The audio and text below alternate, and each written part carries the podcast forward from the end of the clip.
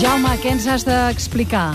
Doncs mira, abans d'explicar-te res, et faig una pregunta. Tu Digue'm. llegies el TVO?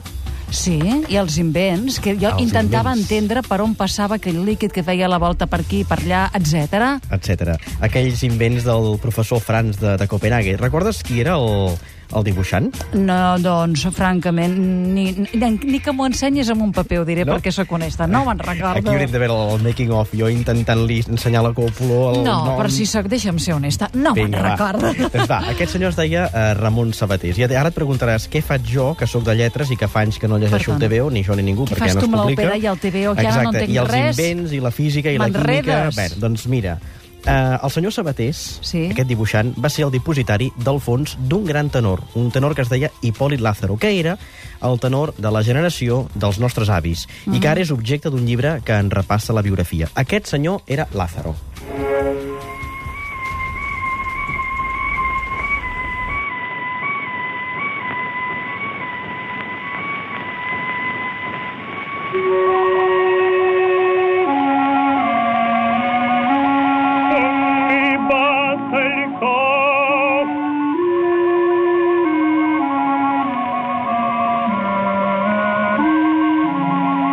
Spettacolo divino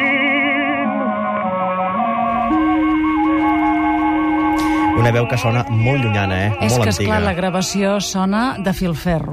De filferro, però la veu no era pas de filferro i ens ho pot explicar un senyor que és un bon amic, un senyor que es diu Miquel Pérez García, que Sí. sí. acaba de publicar un llibre que es diu O Paradiso, que és justament el títol d'aquesta obra que estem escoltant, que pertany a una òpera que es diu L'Africana, d'un compositor que es deia Jacob o Giacomo o Jacques Meyerbeer. Un llibre sobre Hipòlit Lázaro que Sí. edita Temenos Edicions. I em sembla, Sílvia, que podem parlar amb Miquel Pérez. I tant que sí. Miquel Pérez, bona tarda, com estem? Hola, molt bona tarda, molt bé, gràcies. Gràcies per acompanyar-nos. Digues, digues, Jaume, què ens ha fet aquest senyor? Aquest senyor ens ha fet un llibre molt maco, un llibre molt ben editat, amb moltes fotografies i que repassa la biografia d'aquest tenor. I amb en Miquel, que som companys de generació, per entendre'ns, mm, som companys de, de la mateixa generació que va plorar el Fofó, per entendre'ns... Vau plorar el fofó que no teniu, que no Exacte. teniu 40 Això anys o gairebé. Estem a la frontera, estem Esteu a la frontera. sí. Sí, sí. El que li podríem preguntar és, Miquel, abans que res, eh, d'on surt l'interès per una veu que ni tu ni jo, ni la Sílvia, no, hem sentit en directe? No hem sentit mai. Home, doncs són precisament aquestes les veus que més m'han interessat a mi, perquè sentir-les en directe és relativament senzill. Avui en dia, un cantant que t'interessi, no? Agafes un avió, te'n vas a qualsevol lloc i l'escoltes. Però tots aquests cantants d'una generació que, a més a més, eh, començava amb els primers experiments, els fonògrafs, amb els primers enregistraments, i que només hi han eh, petits exemples de les seves vocalitats, són precisament els que m'han interessat sempre. I Lázaro era ha sigut un cantant mític per, per als enregistraments que havia deixat interessantíssims. I bé, a partir d'aquí vaig començar a, a investigar per què d'aquest cantant eh, tan, que em semblava a mi tan històric, hi havia tan, poc, tan poqueta informació i eh, la cosa va anar derivant a, doncs, amb una tasca doncs, pràcticament 15 anys que ha donat els seus fruits amb aquest llibre. Uh -huh.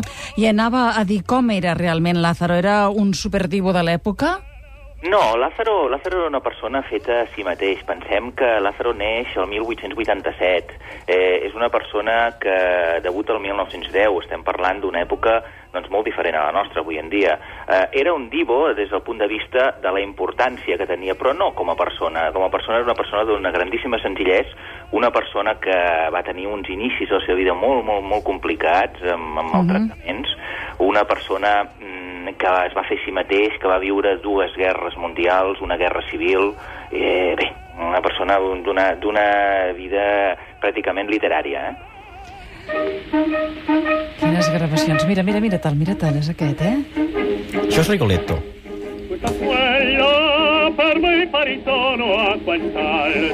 I va tenir un final trist, oblidat per tothom. Per què? Home, eh, oblidat per tothom, jo crec que era, és pràcticament eh, el que ens ha portat avui aquesta eh, societat de la informació amb la que vivim, no? Que ràpidament les coses passen molt ràpid, oblidem eh, tot el passat i només vivim una miqueta al dia.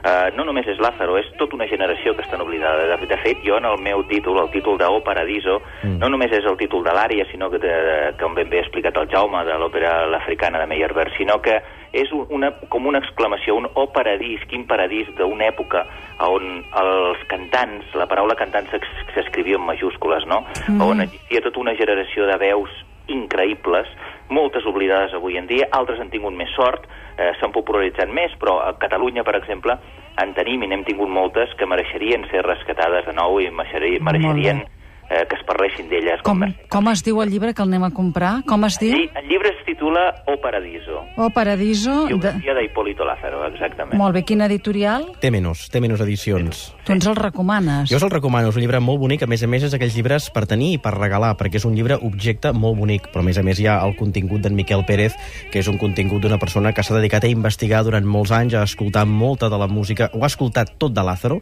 Ahà. És un senyor que, Miquel, quantes gravacions té? Uh, Lázaro, en aqu- eh, Lázaro existeixen 186 enregistraments. Doncs tu has escoltat absolutament tot, i això és una tasca, Sílvia, molt meritòria.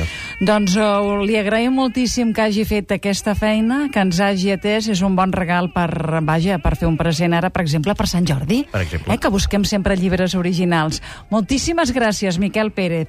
A O Paradiso, eh? Gràcies. Molt bé. Uh, Jaume, Digue'm.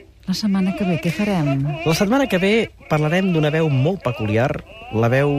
Bueno, no t'ho dic, una veu molt peculiar, que ens portarà d'aquí a 15 dies a parlar d'unes veus que ja no existeixen, que són les veus dels castrats. És el secret que avui no ens deixa compartir fins d'aquí una setmana. Gràcies, professor Radigales.